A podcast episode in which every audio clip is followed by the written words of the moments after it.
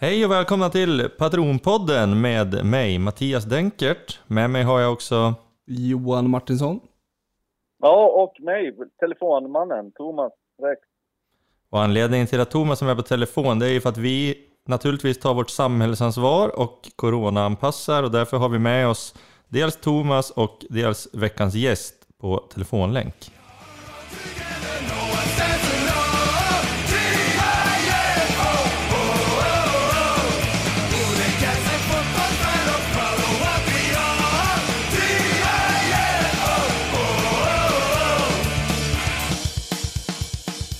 Ja, då är det dags för ett segment som vi kallar för Tankesmedjan, där vi helt enkelt luftar våra tankar om eh, lite vad som helst kring Giffarna, fotboll, supporterskap. Så ordet är fritt.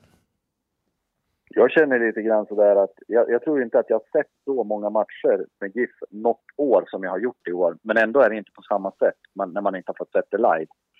Men Mm. däremot så känns det som att fokus har ju legat otroligt mycket mer på det som har skett på sidan av Giffarna än det som har skett på fotbollsplanen i år. Mm. det, det, jag vet inte, jag tror inte ens att, jag vet inte om det har med coronan att göra eller om det har med någonting annat att göra heller. Eller att det bara har skötts jävligt illa kanske. Det är väl å andra Det- sidan ingen klubb i hela Sverige som har skylt lika mycket på coronan som vi i år. Men vänta nu Thomas, nu måste du utveckla här. Vad menar du? Alltså skötts jävligt illa? Nej men alltså sköts illa, jag tycker att det är mycket som har, det har liksom inte varit några klara besked har jag tyckt överhuvudtaget. Jag saknar, jag saknar kommunikationen med, med både fans, jag saknar kommunikationen mot, men inte bara fans, publik, Sundsvall liksom. Det, det är ju ett jätteproblem. Men, men just det där med coronan också har ju vi varit... Där måste vi vara Sverige etta på att skylla på coronan i alla fall. Sjukt nog inte tror jag. Utan att, och det är absolut inget försvar mot Giffarna, men jag tycker det känns som att hela svenska elitidrottsverksamheten har skyllt på corona. Ja, inte någon enskild klubb som jag har sett det. Men jag tycker det har varit jävligt mycket så här. Vi vill ha pengar för vi måste permittera och vi vill ha stöd hit och dit. Och så, Ja, sen har det det- samtidigt värvats typ miljonspelare. Ja men det är en sak, men inte när man pratar resultat. Eller liksom så här, ja men vi, nu är det så här, ja men det beror på corona. Det är ju inga, inga klubbar tycker jag som har, det är snarare handlat om pengar. Om att få in pengar och sen att man värvat liksom.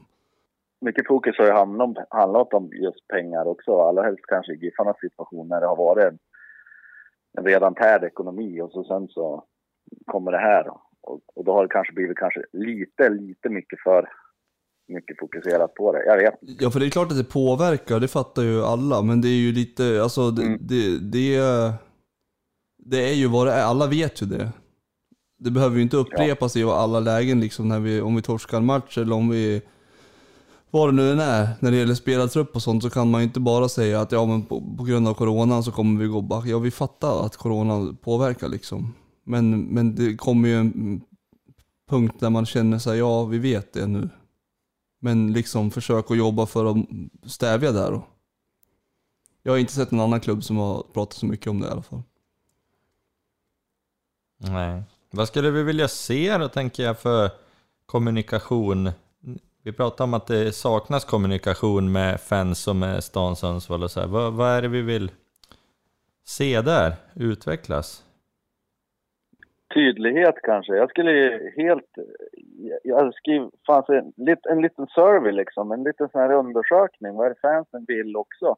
Det hade nog inte varit helt fel i det här läget skulle jag tycka. Vad är det ni vill? Vad är det vi, vart är det vi brister? Det är väl kanske det vi sitter och pratar om nu men jag känner ju det är mycket. Det är mycket det här med shoppen till exempel. Skulle man ju vilja fippla till.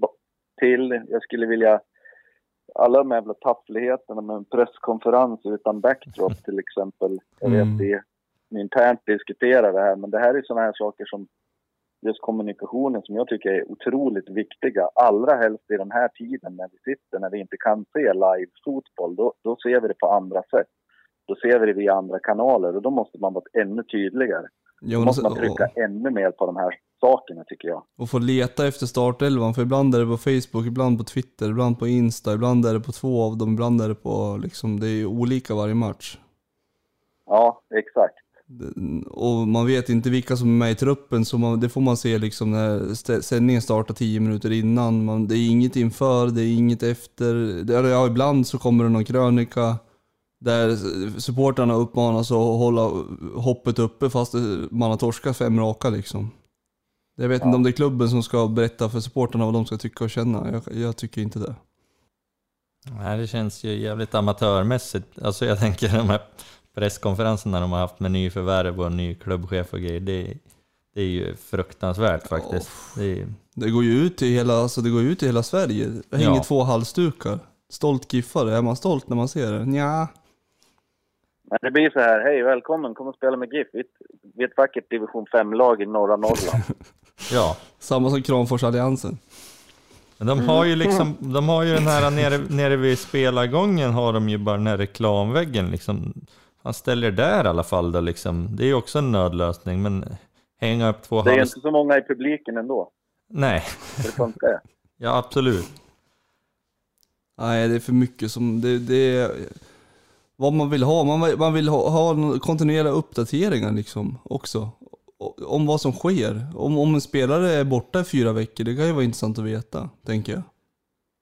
Ja, och särskilt som ni säger en sån här säsong när vi inte kan vara på plats också. Jag har ju många kompisar som kanske inte är lika intresserade men som ändå brukar följa Giffarna och gå på matcher och så här, men som inte har orkat brytt sig nu liksom på hösten här. Eh, Och det har inte blivit att de har sett matcherna och det är klart, då Mm. känns det ju extra viktigt att föreningen håller kontakten med fans och med stan via på andra sätt liksom, absolut. Ja, för det, det, anledningen till att jag vet saker är ju för att jag har försökt ta reda på det för att jag är extremt intresserad. Men, men det är ju ganska få som är så intresserad. Och Jo, föreningen måste ju förstå att de som köper årskort, de måste ju blidgas på sitt. Vissa vill ju bara veta vilka som spelar, alltså vilka som är aktuella att spela den kommande veckan. Och vissa vill veta alltså basala saker. Jag kanske vill veta mer djuplodade saker för att jag är extremt intresserad. Eh, Men börjar man tappa vanliga, vanliga supportrar som, som liksom ändå har sett varje match, men som börjar skita i se matcherna som det har varit nu. Alltså det, jag har för första gången någonsin struntat i att se vissa matcher i år, för att jag var så less. Och det är ju... Så visst var Johan? Ja, det är ju inte bra. Nej. Men ändå känns det som att det är så ton, alltså sån tondövhet så att man liksom... Ja, jag vet inte. Det verkar inte som att det är intressant att veta. Det känns mest som att man slår ifrån sig hela tiden. Ja, Det är lite det jag menar med att jag skulle vilja ha någon sån här undersökning. En sån här ja, Mm. marknadsundersökning. Vad, vad, vad vill ni ha? Vad skulle ni vilja ha för någonting? Ja. Vart, kan vi förbättra oss? Prata Ja. med fansen, fansen tillsammans. Jag tycker det ordet är väldigt bra. Jag tror att det behövs ännu mer nu. Jag tycker man känner liksom, eh, jag som sitter i karantän, fasen vad folk hjälper till. Jag tycker också att det är någonting som vi borde göra bo, inom, inom GIF nu liksom Mm. hjälpa varandra. Fastän den där shoppen till exempel, den kan vi väl fixa upp tillsammans. Det kan väl inte vara något större problem. Det finns idéer, det finns ideella krafter. Mm. Verkligen. Har man inte kunskapen, fråga. Ja, vad- händer med shoppen? Är den öppen eller? Men öppen. Är det någon som vill gå dit? Jag, jag går om, omvägar för att jag ser ut som ett lager från eh, skrothandeln. Ja, det är klart, egentligen det borde väl finnas en shop på arenan tycker man. På arenan ja. Ja, är väl egentligen Ja. ett, någon slags minimum. Ja, men det säljs väl på arenan va? också. Ja, det säljs ju på arenan matchdagar liksom, men... Och kansliet är det ju ingen som hittar till längre. Nej. Det tog väl ett halvår innan det kom upp en skylt om att det var GIF-kansli. Rösta Giffarna. Och sen är det låst i och för sig så att det går inte att ta sig in ändå. Ja, men vad, vad har varit positivt då? Något måste ju ha varit positivt också. Ja, 2020 har ju varit ett jäkla skitår liksom, men någonting måste ju ändå ha varit bra. Pontus Engblom har 24 poäng. Det är rätt bra. Det är, och 20 mål. Jag vet inte fasen om ens... Jag tror inte ens att Johan Eklund gjorde 20, jag tror han gjorde 19 i Superettan sist.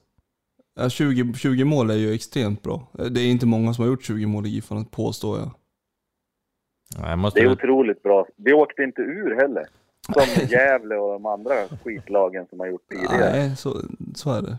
då gjorde vi ändå en hyfsat bra säsong. Vi, vi, vi landade, vad kom fram till? Jag vet inte, faktiskt pinsamt att inte ens veta, men vart vi sexa. Sjätte plats ja, jajamän. Mm. Ja, Nej, 20 Det är mål och inte komma helt- sexa, är, det, är, det är väldigt bra. Sen tror jag typ Oliver Berg har väl 8 plus 8 eller något sånt också, som mittfältare. Oliver Bergs säsong, det kan jag också ta med mig. Blåste eller på, den Ja. älskar man. Jag älskar Oliver Berg. Ehm, ja, nej, men, men Pontus har hamnat, han har hamnat lite i skymundan kan jag känna. Någonstans. Alltså man har, man har liksom tagit för givet att han ska göra mål.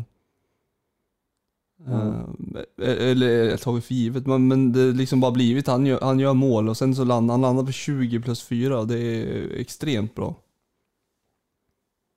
Men eftersom vi kommer sexa och säsongen blir som den blir så blir, blir det liksom svårt att det är svårt att hitta positiva grejer. Jag kom på det själv när jag satt och försökte göra det. För att man är så liksom negativt inställd till allt som har varit dåligt. Vi har luftat jäkligt mycket unga spelare också. Det tycker jag också är någonting väldigt positivt. Spelare som har fått komma fram från egna led. Det tycker jag. Det, det tänker jag ta med mig från 2020-säsongen i alla fall. Karström, han kom in och gjorde två, två assist här mot Degerfors på slutet. Och, och Palmlöv också tycker jag, så länge han spelade. Han var ju skadad mycket. Mm. Men han gjorde väl mål mot, jag tror han gjorde mål mot Umeå första va? Ja, han gjorde mål direkt på Almlöv, det stämmer. Och sen assist mot Brage, om det var andra matchen vi spelade. Eller om det var i början i alla fall. Så han, han började ju väldigt bra. Han har ju en vänsterfot som är väldigt fin och ett GIF-hjärta. Blått hjärta har han, precis jag skulle säga det. Det är fan det viktigaste. Det finns, jag tyckte Albin Ekström var jäkligt bra så länge han liksom... Mm. Han var ju skadad så mycket, men när han var med tyckte jag han var bra.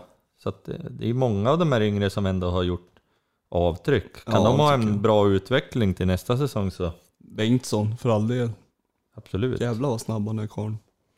Vi hoppas att de växer, bara blir bättre. Då, då har vi positiva säsonger framför oss. Alltså Bengtsson är 16 år och gör mål i Superettan. Det är ju ganska anmärkningsvärt. Har vi någon ny högerback? Någon ung kille? Robban Lundström. Han är inte ung. Nej, fan inte ung. Ja, men, ja, Han är men som Ek- dig Johan, du Ja, är inte ung längre. Tyst. Vad heter han? Ekdal då? Är inte han högerback? Ekdal? Eh, Ekström, Vad tänker jag. Eh, Ekström. Jo, Ek, Ekström? jo, jo, han är högerback. Modern skulle jag säga. Riktigt så här offensiv. Eller modern, så har det väl varit sedan Vad du gillar att säga 97. modern? Ja, Min profetia för 2021 är att vi spelar honom från start varje match som högerback och ingen annan. Om inte Lustig eller Lundström vill komma hem då. Och Då, då kommer det att bli bättre. Då blir vi bättre än sexa, det kan jag lova. Men jag tror det var Ja, tänkt att E- Ekström skulle väl spela mycket mer än vad, i och med att han blev skadad. Och Johan Andersson kan vi också lämna därhän kanske. alltså lånen har inte fallit väl ut i år. Nej, jag alltså. inte. Obegripliga lån. Ja. Och särskilt Johan Andersson. Hudo kan jag förstå ändå att de försökte hitta en ersättare till Juansjö som skulle vara liksom en, ja. Ja, men en, en bollskicklig mittfältare. Så. Men Johan Andersson förstår jag inte ens varför de lånade från första början. spelade i Karlstad i fjol i division 1 liksom. Jag måste ju säga, jag håller med där också Mattias. Att jag tycker faktiskt att Hudo ändå har, har väl lyckats lite grann. Men jag menar, det är inga små skor han ska fylla i Juanjo och Chercheles. Liksom. Det, Nej, men han är inte... de match, för mig är han inte spelartypen som, alltså det är fel spelartyp för min del. Men jag, jag kan köpa det, en ung spelare som liksom, han, han är ju inte kass. Men han är ju varken, ja, för mig är han, ja, det är vad det är. Det, det är liksom varken hackat eller malet liksom. Nej, men så är det. Men det jag tänker också de matcherna han har varit avstängd eller borta på grund av skada. Han åkte på någon ryggsmäll där också. Det jag menar, då har det ju fallit ännu värre. Så att, Ja men det är för att det är fel, någon- felbalanserat lag. Vi har ju inte haft någon innermittfältare. Vi har ju haft Oliver Berg som är jätteoffensiv. Eh, sen har vi haft Tobbe Eriksson som har varit dels skadad och dels så eh, har ju inte han varit liksom, han är ju varit i åren. Han slutar ju också. Och sen har vi haft Hodo. Sen har vi inte haft något mer. Paja liksom, men, men Paja ska ju, kan ju inte räkna med att man, han kliver in och tar fullt ansvar över ett mittfält i ett lag som förväntas vara med i toppen, kan jag känna. Jag hyllade ju Oliver Berg här alldeles nyss, men de matcherna när han fick gå ner där och spela någon form av defensiv, då kan det, det tar tillbaka hyllningarna de matcherna. Men det var en Ja men han är ju inte position. sån, alltså det är ju felbalanserat på Nej. så vis. Vi- Alltså efter att Juanjo försvann så, jag tycker att det blev fel ersättare. Även om jag inte, alltså jag tror säkert att Hodo kan fylla sin roll i ett annat spelsystem, men inte i det här. Absolut. Vad gör Juanjo nu? Kan vi ringa honom? Han verkar grilla mycket. Ja, jag Ja, tycker det vi, är, är det grilla, röka och, och ta en öl då och då som gäller? Ja det gillar han. vi måste ringa Juanjo någon podd där framöver. Absolut. Det är bokat. Paxi inte prata spanska. Ja, men tack för de tankarna. Nu så ska vi ringa upp eh, avsnittets gäst och det är GIF-tränaren Henrik Ånstrand som ska få summera säsongen 2020 och lägga den till handlingarna. Förhoppningsvis någonstans jävligt långt in i något dammigt arkivskåp, får vi hoppas. Välkommen Henrik Ånstrand till Patronpodden. Ja, men tack så mycket. Tack för det. Eh, Tanken eh, är ju att du ska få summera gångna säsongen 2020 här, men innan vi kommer in på det så tänkte jag ställa ett par snabba frågor här av lite mer aktuellt snitt. Eh, Bland annat blev det ju officiellt här för några dagar sedan att eh, din assisterande tränare Andreas Pettersson ska flytta till Norrbotten. Och eh, då ska vi väl ha in en ny sån. Tänkte fråga dig lite grann där, ja till att börja med, är du involverad i den processen på något sätt? Ja, det är det ju. Det är jag ju. Det är Urban och jag som sköter rekryteringen. Det är Urban som sköter rekryteringen och jag är ju med och, och pratar och eh, lyssnar på, på våra potentiella kandidater som vi har och så ska vi välja ut, välja ut den som vi, som vi tycker är bäst för GIF Sundsvall. Så att, eh, det är ett samarbete mellan, mellan mig och Urban just nu. Har du några särskilda önskemål eller vad har du för kravprofil på en Ja, drömassisterande? det, jag har väl egentligen, när jag, när jag pratar med så har vi egentligen tre, tre punkter som jag tittar på. Dels är det väl ett, vilka, vilka värderingar personen har. Eh, så, att den, så att det överensstämmer med, med mina och klubbens värderingar såklart. Eh, sen är det vilket sätt man vill spela fotboll på, försvara anfallsspel. Vi pratar den taktiska biten så att det inte är för skilda, skilda delar. Och sen tittar jag också liksom på vad har, vad har personen för erfarenhet, vad har den varit med om och vad kan den bidra med Eh, och kan den komma direkt in och jobba eller behövs det inskolningsperioder eller vilket typ av ansvar och så vidare. Så det är väl de tre punkterna som jag tittar på när, jag- när jag pratar med kandidaterna. Har ni börjat prata med några kandidater redan nu eller hur ser det ut? På... Ja, men det, det, det ska jag säga. Det, går, det, är, så, det är någonting som man vill ha klart med ganska tidigt i en sån här- i en, en sån här process. Det är mycket som ska göras efter en säsong. Och, och det finns kandidater. Dels så har jag vetat om det här med Andreas ganska länge. Eller vi har ju haft en diskussion, han och jag, en dialog om det. Så att jag har ju varit inte helt oförberedd på det. Eh, så att jag har ju haft en, en lista redo med massa namn och sen så så, så har vi olika kontakter. Så det, även när det kommer ut med att Andreas lämnar så hör det av sig folk som vill komma hit. Så att det, finns, det finns kandidater och sen som jag sa så gäller det för oss att, att hitta rätt och pricka den som är bäst för GIF Sundsvall. Så att eh, det, är ett, det är ett spännande, spännande jobb. Eh, Sen tänkte vi också höra eh, lottningen till Svenska cupen blev vi klara för några dagar sedan. Och eh, Giffarna hamnar ju tillsammans med Norrköping, Göteborg och Sandviken. Mm, ja, men det är väl det är ju roliga, roliga matcher att spela på. Alltid i Svenska cupen tänkte jag säga. De, de gånger jag har varit med och spelat där så blir det ju tävlingsmatcher tidigt på säsongen, vilket kan vara positivt och negativt. Eh, om, man drar, drar paralleller med årets upplaga av Svenska cupen där vi, där vi egentligen inte riktigt var, hade spelat ihop vårt lag och vi var inte riktigt redo att lira de här tävlingsmatcherna. Så vill man in och vinna ändå så blir besvikelsen större. Eh, året innan det, när vi egentligen hade ett helt färdigt lag som var bara redo att tävla och då var vi inte ens med i cupen så då fick vi åka runt och spela träningsmatcher. Så att, Ehm, det är klart att det, det är Göteborg och Norrköping eh, tuffa matcher och Sandviken har gjort det bra i många år i division 1. Ehm, de har vi bra koll på. Så att, det kommer att bli tre, tre roliga matcher här för, för oss att förbereda. Norrköping får väl anses som att vara favoriter i gruppen, får jag väl säga.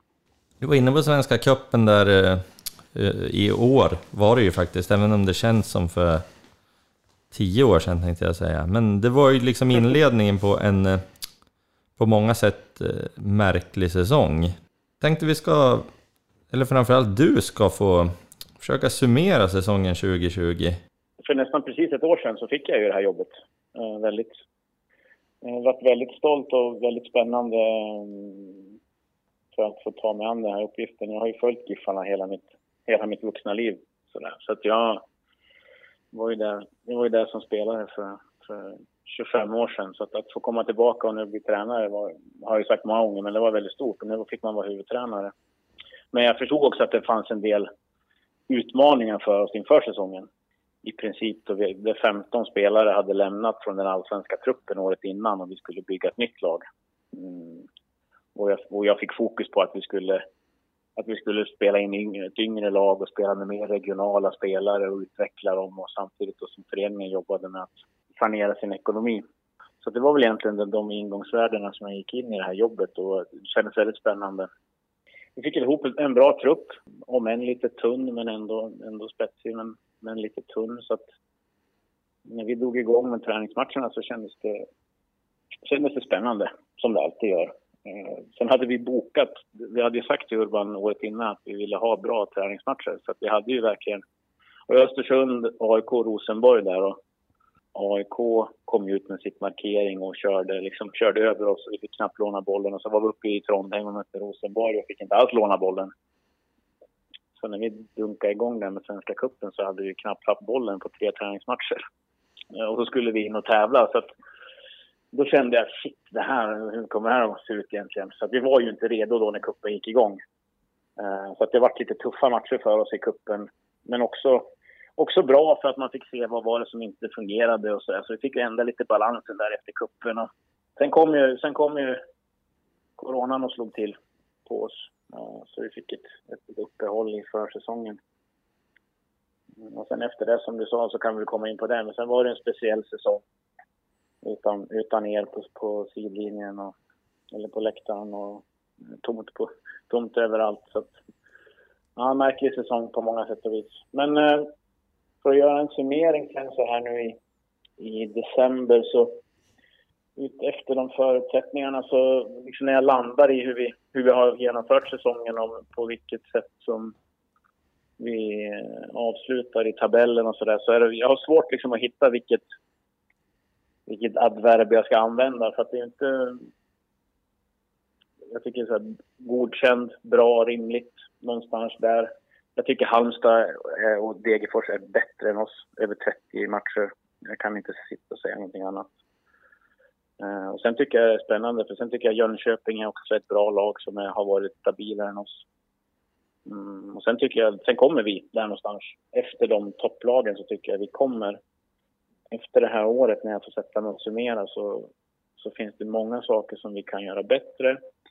Eh, vi har använt oerfarna spelare och vi är trots det eh, bara strax under toppen på, på superettan. Och då känner jag att ja, men, ja, men det, det är här vi står idag, som, som de sjunger i Confusion. Så vi har fått ett riktmärke att ja, men här är vi. Och nu så ska vi härifrån ska vi se till att bli bättre.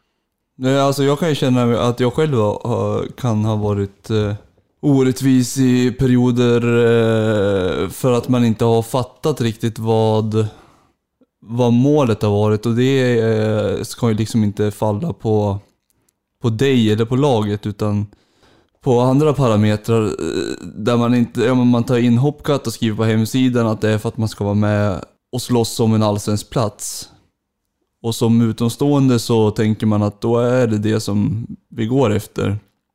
Strax därefter så pratar man om sjätte, sjunde plats eh, är rimligt, men det är inget som, som liksom kommuniceras utåt och då blir det så himla svårt att veta vad, vad ska man som supporter tycka? Eller tänka eller känna. Är det bra? Ja, alltså med facit i hand utifrån det, den information som jag vet idag så kan jag känna att jag har varit orättvis i bedömningarna för att jag inte har fattat bättre. Jag, jag har förstått så här i efterhand, men där och då förstod man det inte och då är det frustrerande att se eh, att vi inte är med där man tror att vi ska vara, om du förstår vad jag menar. Så, så att kommunikationen har ju lett till en del kanske förväntningar som kanske inte är rimliga att ställa på dig och laget. Jag, tycker, jag tycker att du är inne, eller du sätter fingret på någonting som jag har lärt mig otroligt tydligt i år. Mm. Det, är ju, det är två saker. Och det, den ena vet jag ju redan. Det är ju att det är en resultatdriven bransch och det är ett resultatdrivet yrke jag har och det förstår jag. Eh, Men däremot så, så, som du säger, så det här med förväntningar kontra vad som verkligen sker, det är ju där glappet, det är där som, som frustration kan födas. Mm. Och, och en enorm lärpeng för mig är ju hur man kommunicerar med, sina, med staden Sundsvall, med folket i Sundsvall och framförallt med våra supportrar i Sundsvall Mm. med er. Det är otroligt viktigt eh, att vi, vi säger samma saker och att vi har en identitet och att vi står för den. För precis som du säger nu, ja, men vad, vad förväntar vi oss av Giffarna? Är, är, ska de komma i mitten? Ska de vara ett topplag? Ska de, vad, är, vad, är, vad är rimligt att förvänta sig? Mm. Och där har vi misslyckats, tycker jag, i år. Och det blir det här att man vill... Man vill, eh, vill ju såklart... Alla vill, vill att det ska gå så bra som möjligt. Men om, om förväntningarna blir för höga så blir fallet för stort. Ingen var väl kanske beredd på att vi skulle leda heller. Nej. Och så gör vi det. Nej, och det, och det, nej, och det var ju en sån här sak som... som ja, otrolig respekt för superettan och, och lag som har som har haft problem när de åker ur. Det är ju åtta lag tror jag som åker rakt ur superettan och rakt ner i division 1. Och, Mm. och så är det bara tre, tre lag som har lyckats studsa tillbaka som man säger att om man åker ur allsvenskan så går man upp direkt. Så det är en ganska svår uppgift att göra. Mm. Och när vi med det här, som jag, som jag kallar det, då, det är ett oerfarent lag där vi, där vi har tagit in, som ni, som ni vet, vi har tagit in många av våra egna spelare och spelare från lägre divisioner. Mm.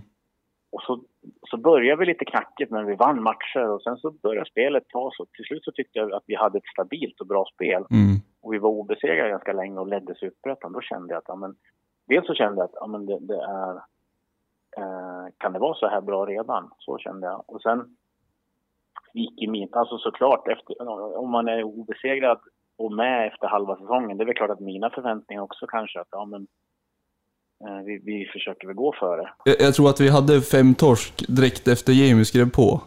Ja, Eh, vilket inte ska falla på honom eller på någonting, det är slumpen förmodligen, men det, det, i och med det, och så det som skrevs, och så leder vi och så blir det pang bom, fem raka torsk, och så det blir liksom, när det inte kommuniceras, då blir det blir liksom en, en eh, dissonans tänkte jag säga, kanske fel ord, men det blir, det, blir, det blir svårt för alla att veta, för att samtidigt så leder man, man kan ju inte bara säga att ja men vi ska ju komma sexa så vi skiter i det. nej. Man det, försöker ju. Det är exakt så. Så att det blir, jag tror att det blev, så att jag kan bara personligen säga att, att jag har säkert varit orättvis som supporter också. För att, för att det är ju känslor, man har varit supporter i liksom 25 år, det är klart som fasen att man, att man blir frustrerad över saker. I, i, alla fall personligen, så att det kanske har fallit på fel måltavla ibland. Kanske frustrationen. Man vet inte riktigt var man ska rikta den liksom. Lär, lärpengar som mm, hur, hur vi måste bättre sköta vår kommunikation som är... Men idag, så, idag så är det de flesta, de flesta kommunikationen som de flesta har med, med oss är, sker ju genom lokaltidningen. Mm. Som inte heller alltid är, är liksom så, så positivt riktad. Och då, Ja. och då är det det man läser och så blir det en, en, en, en persons åsikt eller en persons tyckande blir sanningar för, Mm. för en hel skara supportrar och då, då blir det ju fel. Mm. Det är inte vi som får skicka ut det budskap som vi står för. Men, men får jag fråga, jag tror att det går, jag satt och tänkte på det nu, det här med att kommunicera ut målsättningar och så här, för att eh, det blir lite, jag kan tänka mig att det blir lite så här, damned if you do, damned if you don't, att om man går ut och kommunicerar i förväg att nu ska GIF Sundsvall komma topp 8 i Superettan, så lär det bli missnöje där också liksom från, Mm. från vissa håll. Och säger man att man ska sikta på att gå upp och så gör man inte det, som, då blir det också missnöje liksom, eller hur tänker du? Nej, men det är helt klart det, det komplexa i idrotten som du beskriver. Att, eh, jag ska inte säga vad man, vad man kommunicerar, men det är, därför, det är där jag menar att det är så viktigt att våga stå för det man tror. När jag tittar på det här laget, och det har jag sagt till killarna, och det är ingen hemlighet, men när jag tittar på det här laget så ja, men är det ett allsvenskt lag? Skulle vi kunna gå upp i allsvenskan med det här laget? Det skulle ju vara väldigt tufft, eller skulle vara väldigt bra gjort framför allt om vi skulle lyckas med det. Mm, och det sa, jag, det sa jag i början på säsongen till grabbarna att ja, men jag, vi går för, alltså in, internt sådär, det är klart vi, vi, vi vill vinna varje match, alla vill vinna och vi, vi som jobbar med det här, vi älskar att tävla. Sen så sa jag att vi, vi kommer stöta på utmaningar under vägen. Eh, och det är då jag tycker att som förening kan man gå ut och säga att eh, men så, här, så här ser truppen ut, så här ser förväntningarna ut från oss. Eh, vi vill bygga ett lag på egna produkter, vill bygga ett lag på, på lite mer regionala spelare. Och med min övertygelse som tränare och anledningen till att jag, ett av anledningarna till att jag tog det här jobbet är att jag tror, att, jag tror så mycket på Sundsvall att när vi är tillräckligt bra så kommer vi att gå upp. Och, det, och sen får man se, eller får se, men när kommer man att gå upp? När är man tillräckligt bra? Som Halmstad, de kom ju femma, sexa tror jag och sen så gick de upp tredje året. Mm. Eh, det är liksom svårt att se. Samtidigt man vill ha en utveckling i, i processen, eller i, i lagbygget vill man ha en utveckling. Mm. Eh, men när man är, liksom, när man är, det är det jag menar med att nu har vi fått ett riktmärke i år att ja, men här, här står vi. De här punkterna måste vi göra bättre och nu vet jag, nu vet jag vart det här laget står. Det här vill jag göra bättre och så vill jag utvecklas härifrån. Och då tycker jag ändå vi startar ganska... Eh, vi startar från en bra position för att kunna ta, ta steg till nästa år. Enligt femårsplanen här så, så snackades det väl om att vi ska vara topp tre typ varje år om jag inte är ute och cyklar. Och det är ju rätt spetsigt utifrån att vi inte ens vet vilken trupp man har liksom. Nej. Och jag, jag, jag, när de kommunicerade den så var det ju inte, inte pandemi inräknat i den, i den femårsplanen. Okej, Så att det nej. blir ju, man sitter med, med ett budgetarbete som, som inte jag är inblandad i utan det är Urban och styrelsen och, och alla cheferna som sitter med. Men det är också svårt för dem att lägga ett budgetarbete inför 2021. Vi, vi sitter med, med 17 av våra spelare har kontrakt nästa år som vi hade i år. Sen Mm. är inte, eller alla har inte skrivit på än, men jag, jag räknar, hoppas att 17 av de som vi har stannar. Mm. Men vi tycker mig så då. Det är väl några som, som inte har skrivit på än. Och då tycker jag ändå, jämför det med att året innan så försvann 15 och sen så försvann Juanjo 16, Mark 17 spelare försvinner. Så nu Mm. har vi ändå en kärna kvar som jag vet att jag kommer kunna jobba med nästa år också. Så det Mm. känns. Hur har du, det har ju varit en hel del kritik, både från media som du sa och även från eh, supporterhåll och andra håll också. Har du, hur känner du där liksom? Har du känt dig orättvist behandlad någon gång? Eller hur? Att kritiken har varit eh, orättvis? För mig kritik, alltså man, engagemang, att folk tycker och att supportrar tycker, det tycker jag, det är helt, för mig är det helt normalt. Det, det ska vi bara vara glada för, att det finns ett engagemang kring GIF Sundsvall. Sen är ju jag ingen sån, fast jag är ju ingen sån som, som har, jag har inte träffat er och jag, det har inte funnits folk på läktaren och jag har inga sociala medier så att jag läser ingenting vad som står. Sen märker ju jag på frågorna jag får från, från våra lokala reportrar så märker jag vad det pratas om för att de läser väl förmodligen vad, vad som sägs och så ställer de frågor ut efter det. Och då kan jag ibland, som vi har varit inne på, känna att ja, men, det har funnits en diskussion om unga spelare som jag tycker har blivit liksom snedvriden. För att jag tycker inte att den är sann när du tittar på hur många av våra yngre spelare som spelar i förhållande till vad våra konkurrenter spelar.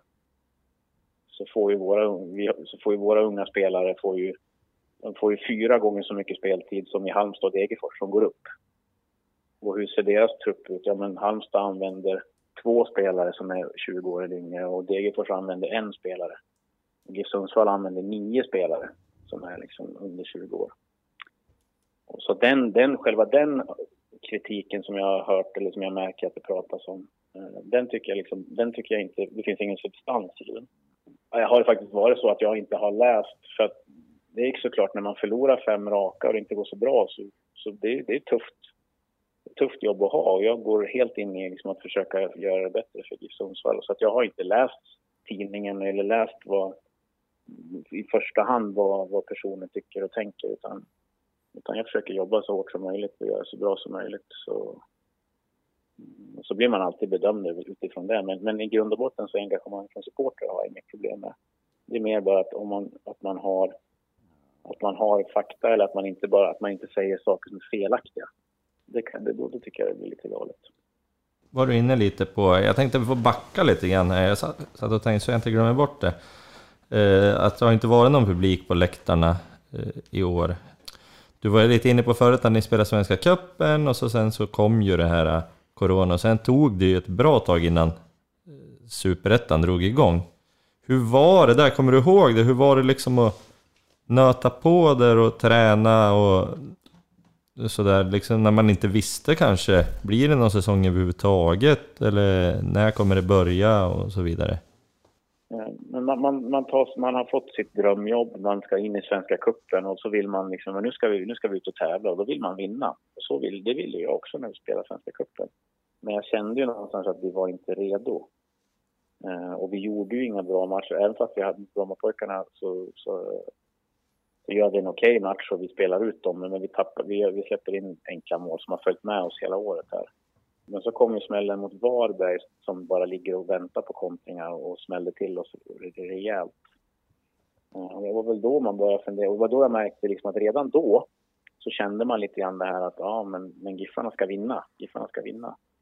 Eh, och det var då jag började, började fundera så här, okej, okay, vad är det vi behöver justera utifrån det här? Och då gjorde vi vissa justeringar Framförallt i hur vi såg ut när vi tappade bollen och så att vi inte skulle åka på kontringar och så vidare. Sen åkte vi ner till, till Hammarby och spelade inför publik för sista gången, tänkte jag säga.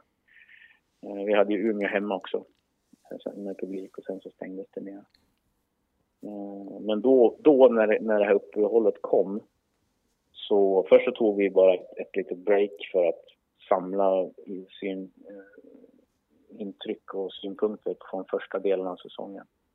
Sen jobbade vi med dem vi tränade väldigt bra och hade en bra grupp under det här uppehållet där vi inte fick spela. Sen vart det väl framskjutet en gång till, du får rätta mig om jag har fel, och då kunde man känna att luften lite grann så började gå ur grabbarna att vi hade siktat in oss på något datum och så vart det framflyttat. Jag har för mig det. Precis, det var väl slutet på maj först och sen blev det i mitten på juni som det drog igång. Ja, precis. precis. Precis. Och den smällen vart väl lite tuffare att, att parera. Um, så den har jag, den, den, det kommer jag ihåg att det var en liten utmaning. Men annars så var det, det var ett, ett sätt för oss att jag tror att som ligger grunden till att vi ändå gjorde en så pass bra start i serien var att vi tränade väldigt bra under uppehållet.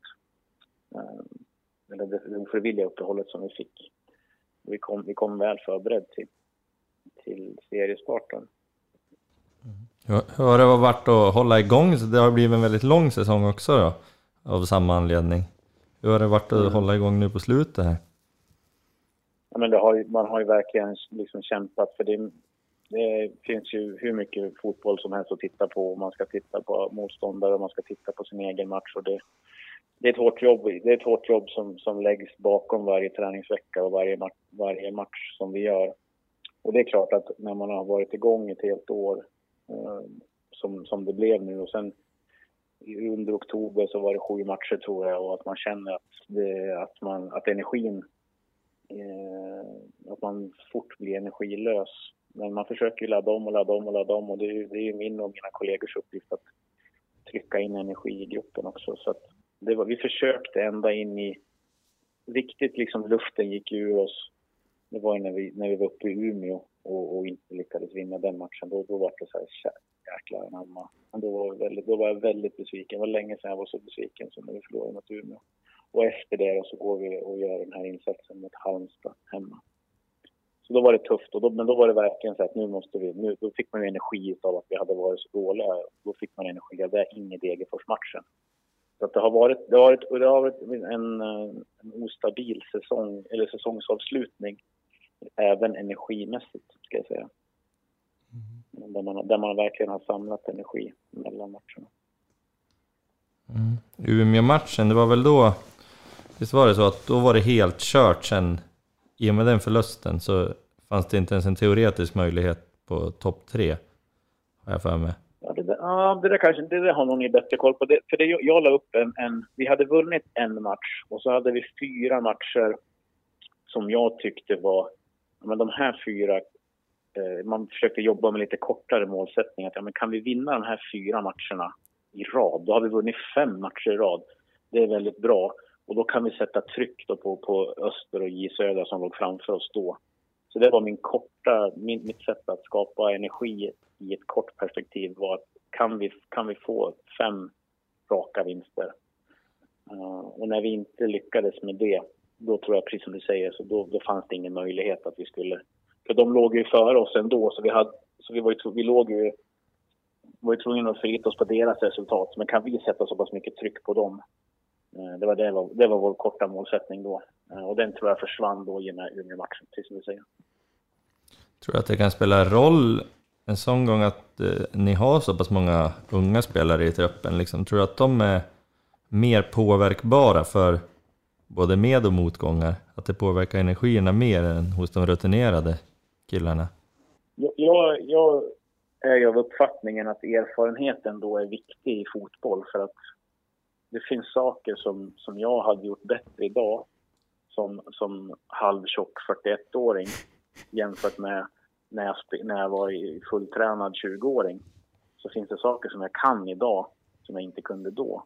Kan du nämna någon av de grejerna bara? För, för jag är snart en halvtjock 41-åring jag också, så jag är lite, lite nyfiken.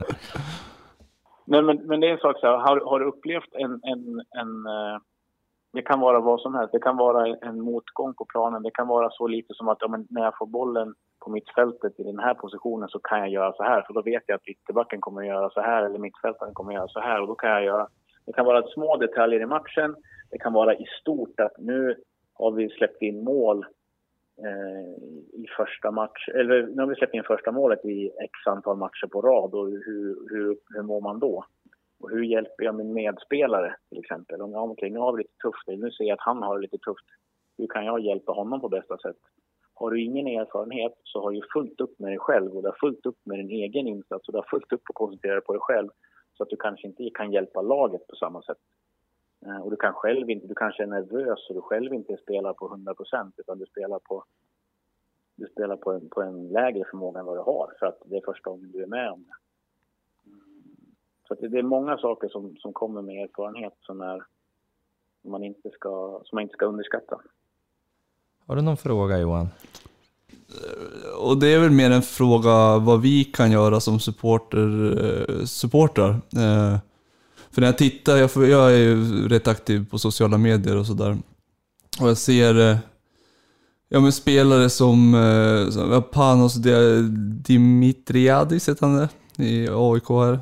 Uh, han fick väl inte förlängt nu och uh, satt och, och, gjorde små paket med halsdukar som de skulle skicka ut till sina supportrar och det är ja, många som, som liksom tackar sina klubbar i sociala medier och, och sådär.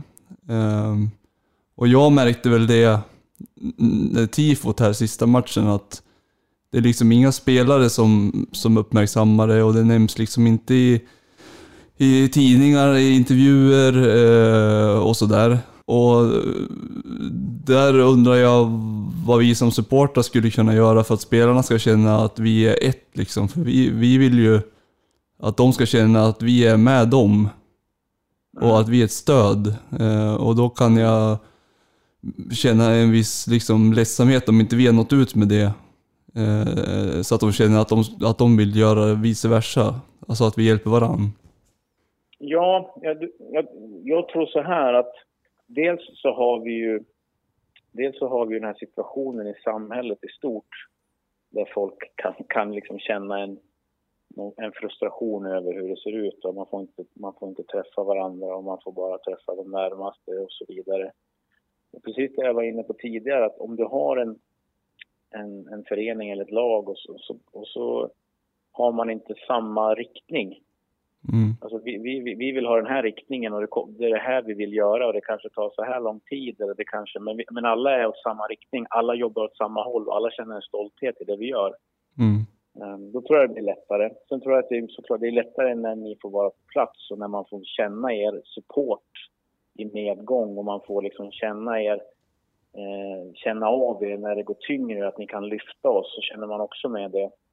Uh, men då när inte ni får vara där på plats så kan det känna att man kommer långt ifrån laget och sen så börjar man dra åt olika håll och det blir, som jag sa, så, så när vi inte drar åt samma håll utan man, ja, det blir olika sanningar så, så kommer man längre ifrån varandra och det tycker jag inte alls känns bra.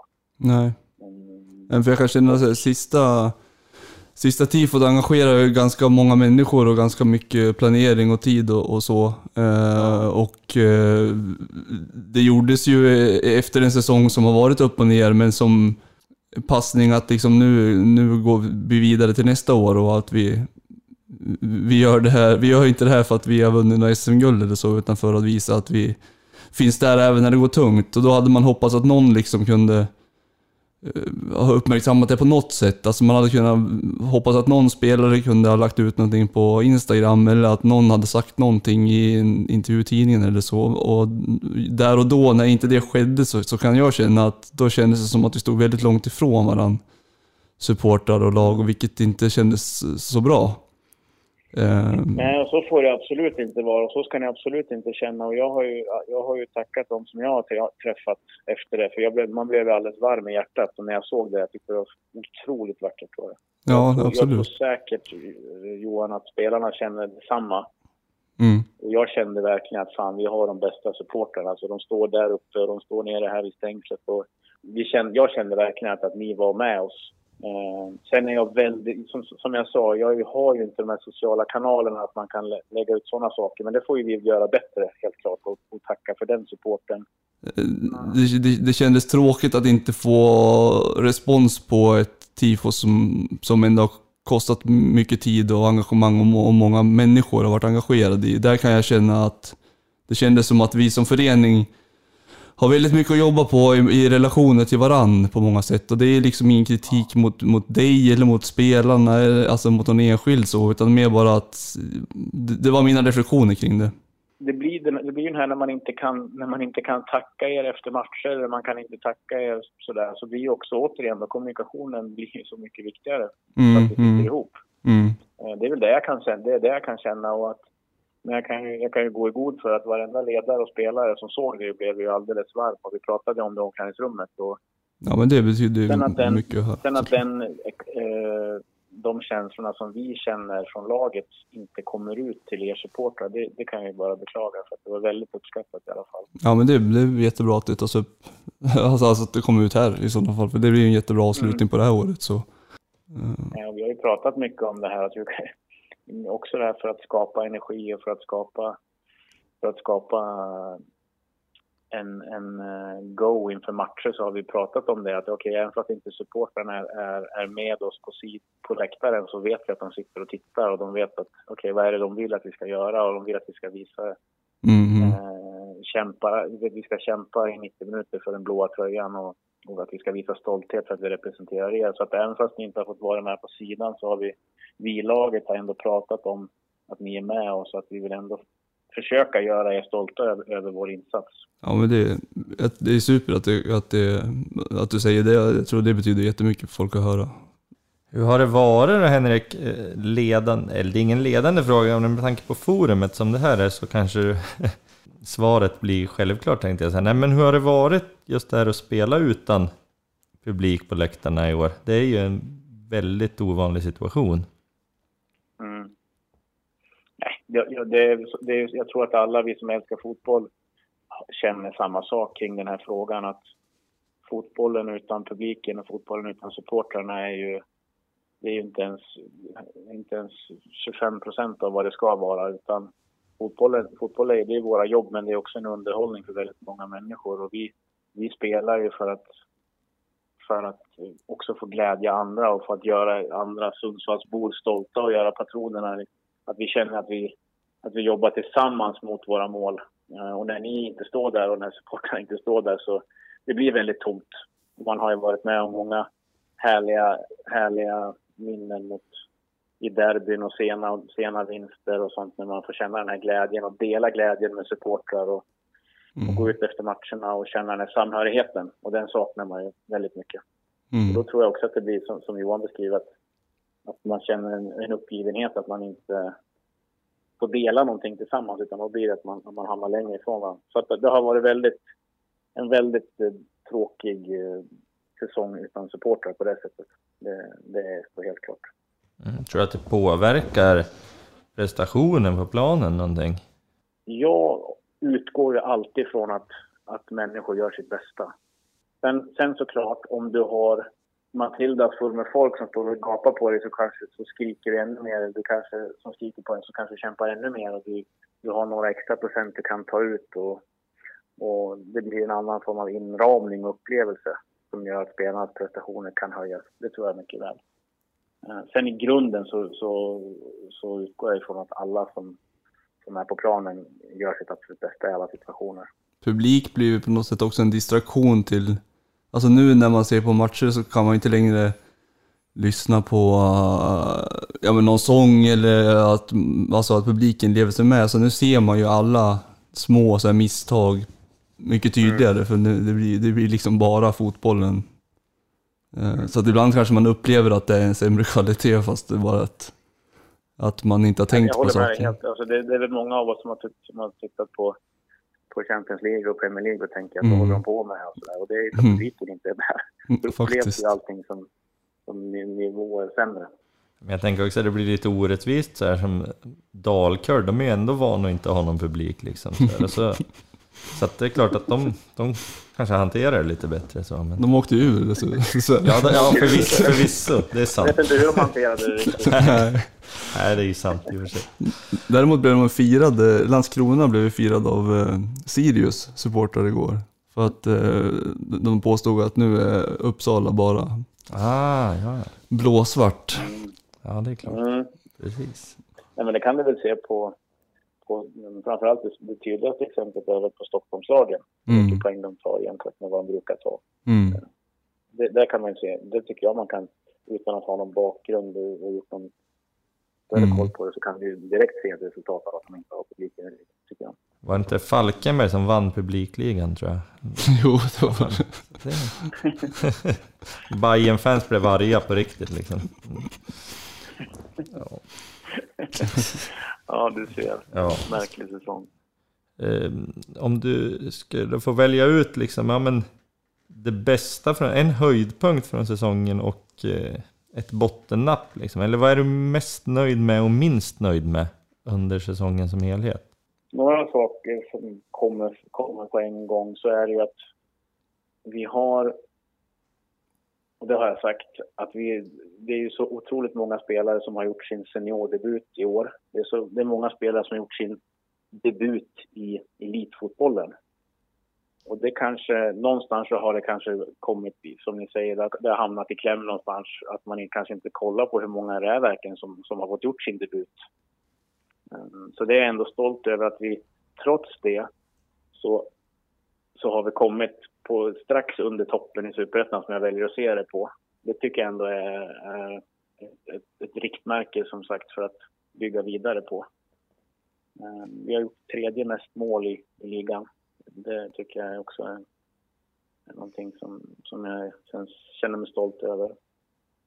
Ehm, jag tycker ändå, trots avsaknaden av er på sidan, så tycker jag att Tobbe Eriksson fick en, en bra avslutning på en, på en lång och fin karriär. Och det kändes som ett värdigt avsked att ni var där också och med era tifo och att han fick avsluta ändå på, på ett så värdigt sätt man kan göra i 2020 det känns också varmt att ta med sig från, från säsongen. Det är också väldigt fint att han fick eh, vara kapten den sista matchen också. Det var ju mm, väldigt bra initiativ. Mm, nej men det var, eh, det var Pontus, Pontus Engblom och jag hade en diskussion och det var inga, alltså Pontus är en fantastisk eh, fin människa och en bra ledare så att för han var det en självklarhet också att, att ge Tobbe den, den äran i hans sista match. Så det var bra gjort av Pontus. Lite tråkigare då, vad är du minst nöjd med? Mm. Och det, det, värsta med det här det är att jag vet vad det är, men jag kan ändå inte sluta tycka att det ändå är något positivt. För att vi har ju släppt in alldeles för mycket mål.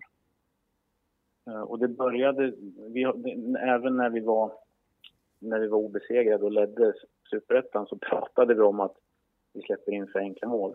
Och tittade på det till slut så förväntade vi oss att vi skulle släppa in fjärde minst i ligan och vi släpper in tredje, tredje mest av alla.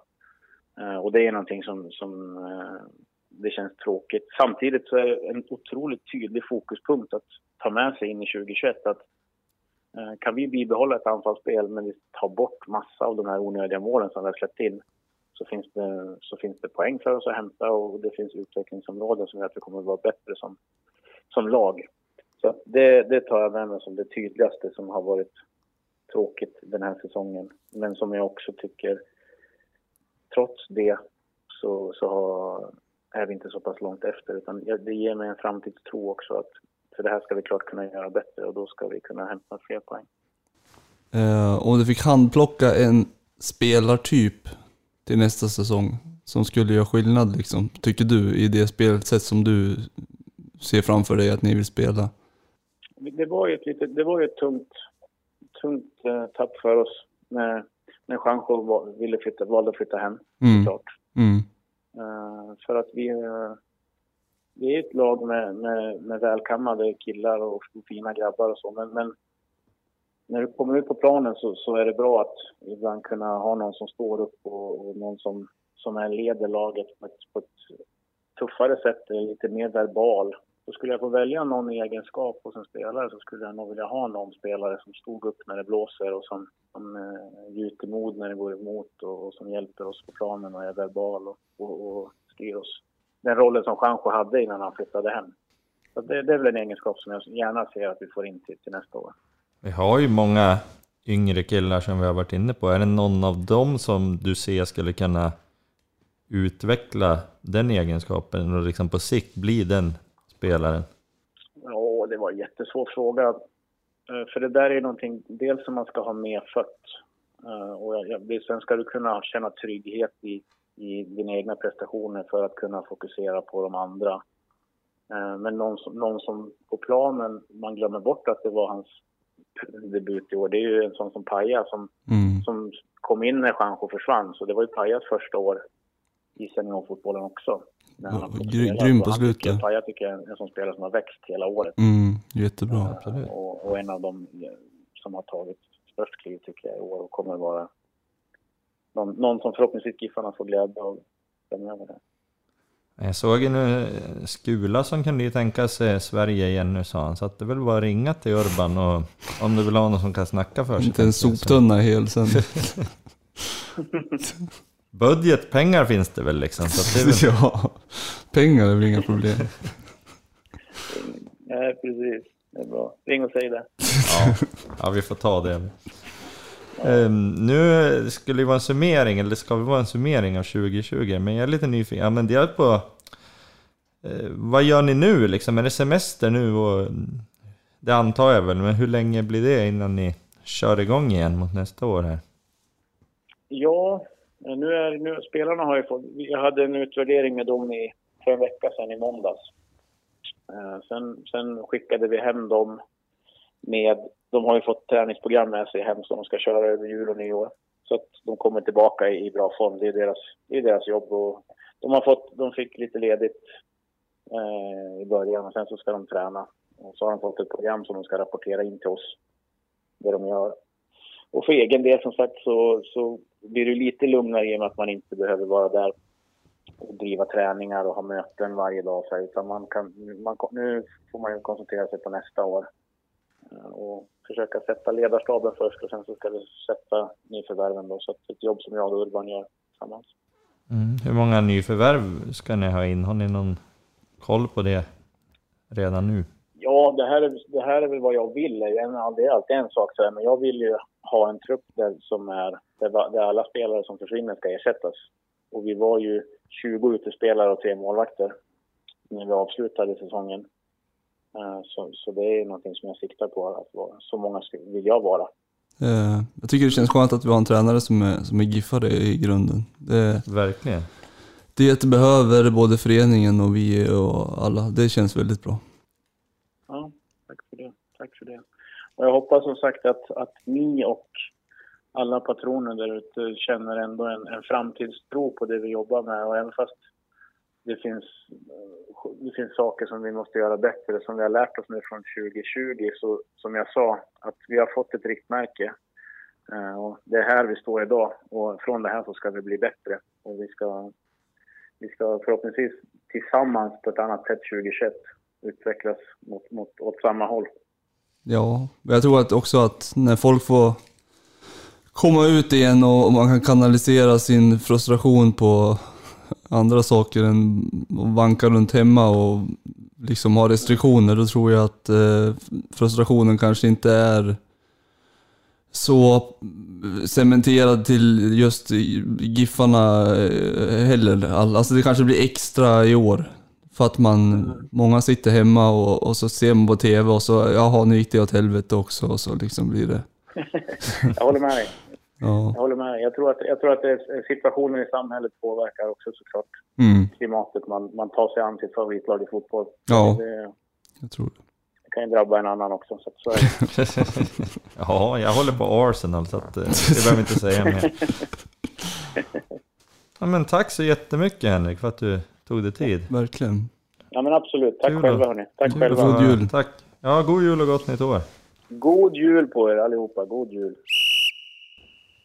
Ja, det var bra snack. Eh, många intressanta tankar där från Henrik tycker jag. Johan, vad har du för reflektioner? Nej men jag tycker att man får en, eh, en annan bild eh, av mycket ändå. Alltså man har ju varit kritisk, det är ju, så är det. Och det är väl lätt hänt en säsong som denna när man inte vet vart, vad man ska känna och tycka och, och sådär. Men eh, superpositivt till exempel att vi har gjort tredje mest mål, kan jag tycka. Som jag sagt tidigare.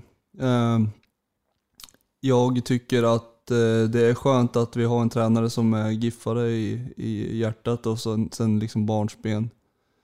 Och jag tycker att det är rimligt att eh, ha i beaktning också att han får en trupp som liksom blir väldigt brandskattad och får börja om med någonting helt nytt, vilket man kanske inte heller har reflekterat över så mycket.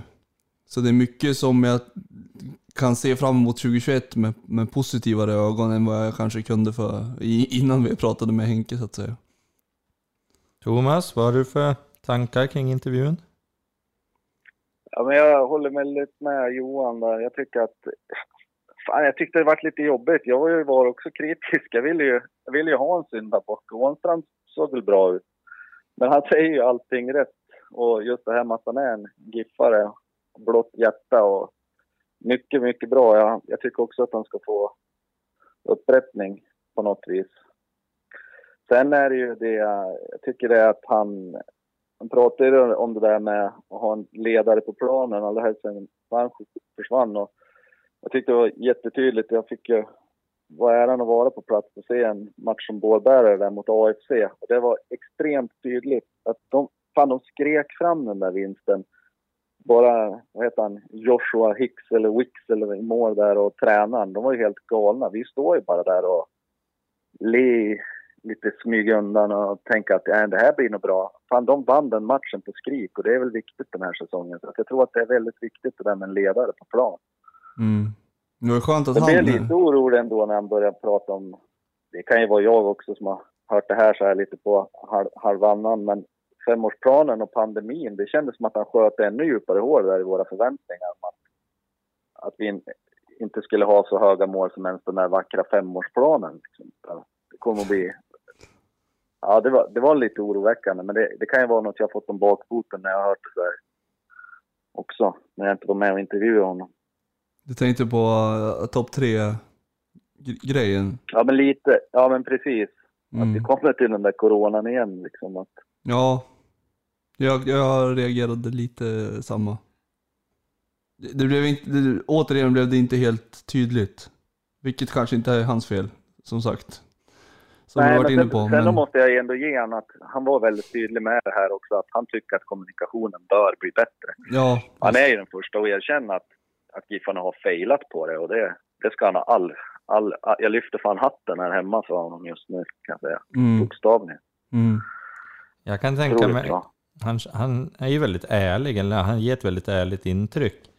Och det här med att tona ner förväntningar, jag tänker, det finns ju inga pengar att värva för. Det är ingenting som eh, tränaren Henrik Åhnsson kan påverka och han kanske inte vill lägga för stort tryck på de här unga spelarna heller. Att han kanske medvetet försöker tona ner förväntningarna utifrån den aspekten. ja, det är bara det att då undrar man när femårsplanen ska kicka in. När är coronan slut? Om coronan tar slut liksom mitt i säsongen då, vad gäller då? Det blir så svårt, alltså det blir svårt för en utomstående tycker jag. Nu försöker vi grotta ner oss i det men Det fanns ju inga Ja. pengar innan coronan heller. nej. Det gjorde det inte. Femårsplanen kändes väl inte så himla genomarbetad heller, eller? Nej. Nej. Det räcker med ett nej på den va? Ja, Jag, jag tror inte att den kommer gälla i fem år. Den är död. Jag ger den max två år, sen kommer det någon ny plan. Mm, det tror jag också. Det kommer en ny, ny klubbchef också, så då kanske den gäller inte ens i två år. Kanske vill färga in lite han också. Ja. Det kändes, som, det kändes så himla eh, havsverk och, och något som bara ba, var tvunget att göras för att blidka massorna. Det, den känslan man får av den, det är att ta ner förväntningarna så att man ska få arbeta i, i lugn och ro på något vis. Att vi inte ska ha några förväntningar på att vi ska bli ett topplag igen, utan Fast att vi ska nej, sitta där och nicka och samtycka och tycka att ja, men det är okej, värva ingenting i år, vi har en... Ja, men alltså. Fast då sätter man inte topp tre som förväntningar alla år fram tills... Alltså, det, i sådana fall har de ju misslyckats kapitalt om de ska dra ner förväntningarna. Och vi ska komma topp tre varje år. Där femårsplanen skulle vi kunna prata om i fem år. Ja, absolut. Jag tycker det är jättekonstigt om man ska dra ner förväntningarna och så ska vi komma topp tre. Och vi ska gå upp då år fem, vilket innebär att eh, i praktiken då, om man ska vara lite raljant så ska vi torska fyra kval i, i rad. Vi ska komma topp ja, trea då i fyra år och sen går vi upp. Det är ju inte att dra ner förväntningarna, det är ju snarare att snäppa upp dem. Och det eh, känns ju spetsigt. Om man ska dra ner du förväntningarna. du summerar det där bra Johan. Det blir... Har vi något mer att säga om Ånstrand? Nej, men han har, han har mitt eh, förtroende. Efter det här speciellt så kan jag känna mig lugnare i, i eh, att eh, GIF Sundsvall A-truppsskeppet ligger under hans vingar. Ja, jag håller med. Jag tycker också att det känns... Det känns som att han... Det är klart att han ska ha vårt förtroende och jag tycker att eh, bättrar vi på kommunikationen och att vi kan kanske ha en... Höra Ånstrands kommentarer tydligare under nästa säsong också så... Så känns det bra. jag vet inte om det är någon förmildrande omständighet, men det är ju liksom hans första säsong också som huvudtränare på den här nivån. Så Ja. han kan ju också utvecklas. Så är det. Absolut. Absolut. Speciellt om man får plocka in lite spelare som man känner att de behöver också. Man, man har inte hört så mycket från Åstrand heller. Det sa han ju själv också, att han har lärt sig mycket om vikten av kommunikation. För honom har man inte fått höra så mycket. Det är klart man har fått höra intervjuer i samband med matcher och så här, men annars så... Giffarna jobbar ju inte så hårt som vi redan varit inne på, att nå ut i sina egna kanaler med kommentarer och så vidare. Så man har ju inte vetat så mycket hur tankarna har gått och så här, så att där får man ju hoppas att det blir en bättring kommande säsong. Ja, det börjar bli dags att avsluta den här podden nu och då är det ju så att ni grabbar hatar ju inte direkt att tycka till om saker kring GIF och fotboll. Så att lite toppen och botten här. Någon positiv grej, någon negativ grej. Eh, ordet är fritt och vi börjar med Thomas. Jajamän. Ja, toppen och botten. Äh, sånt här älskar man. Jag måste väl ändå hylla och lyfta igen på, för kapten Pontus. Jag menar vadå? Hänga alla de där baljorna utan att egentligen bidra spelmässigt anser jag att det är, det är bara, det är fantastiskt. Sen får du en till toppen och det måste jag väl säga, det är faktiskt en ganska nylig toppen. Jag tycker att det är Pontus Silver och hans samhällsengagemang här över jul. Och överlag tycker jag att Giffarna med Thomas Jonsson också och hela samhällsengagemanget. Det lyfts alldeles för lite i media. Det tycker jag borde göras mycket mer. Fan, jämför det med svandansen från eh, Östersund så är vi ju klasser bättre. Och sen är det dags för botten. Och vad fasen, Urban Hagblom. Okej, vi gillar dig, men det måste vara dags att vidga ordförrådet nu va? Det är spännande. Vi har hört det för mycket. Det får, det får hända någonting. Det får, får fan läsa en ordbok. Köp en ordbok till Urban. Och sen, eh, tränger vi in till här med mannen i den blå hatten. Hur Giffarna, där, där har vi failat. Men där hoppas vi att de tar lärdom och gör bättre 2021. Man kan inte ha, man kan inte vara så otydlig i en professionell förening. Ja, tack för det. Det här var inget du ogillar hör jag. Johan, kan du toppa det här? Ja, det är svårt. Jag får hålla med om... Jag var väl inne på det på, på Twitter någon sväng där med mannen i blå hatten också. Att det var svårt att veta vart man skulle rikta kritiken. När man inte visste vem avsändaren var. Bra, bra saker eh, Thomas. Eh, men toppen då. Ja, Oliver Berg eh, tycker jag är toppen. Eh, jag såg honom sitta i, i vid vängåvan och läsa en boken då. Jag blev oerhört lycklig. Det kändes väldigt icke-fotboll speligt att göra det. Uh, utöver att han är en fantastisk uh, kämpe som känns som att han fattat grejen med att slåss för, för märket på bröstet. Och en människa som har hyschat uh, Falkarna också. Det, det, är svårt att, det är svårt att inte älska en sån spelare.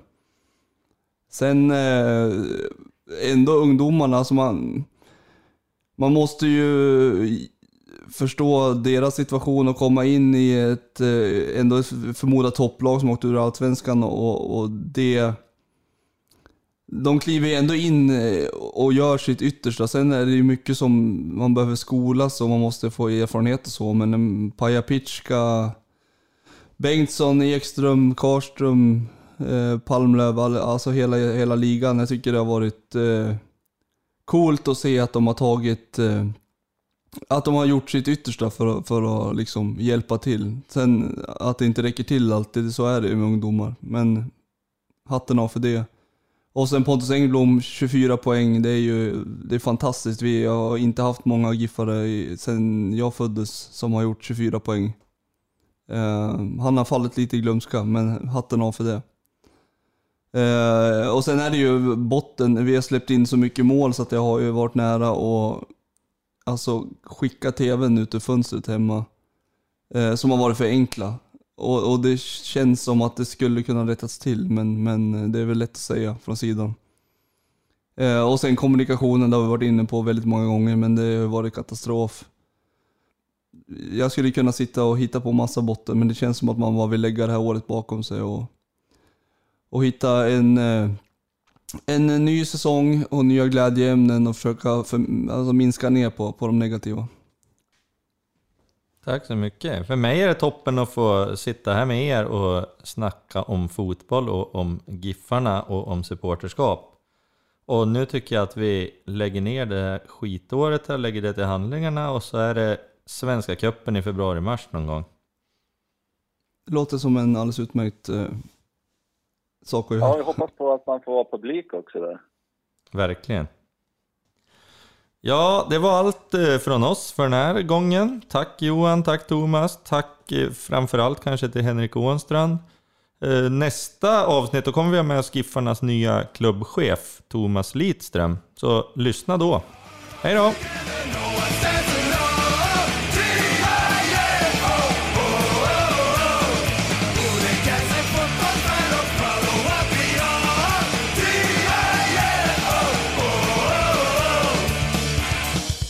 Ja, tack. Det var skitkul, men det är otroligt svårt att sitta på telefon känner jag. Men det, nästa, ja, prova, nästa gång så kan jag vara med igen. Nästa gång då. Ja, nej. Va? Prova att inte sitta på telefon nästa gång då. Jag hör fan ingenting. Nej, för han sitter Prova ju tre meter. Prova att inte sitta på telefonen nästa gång. Ja, ja, jag ska göra det. Bra. Nej, men nästa gång kan jag kanske vara i studio. Ja, vi får se. Ja. ja, det är bra. Tack. Hej då. Hej. Vi hörs. Ja, hej då. Hej.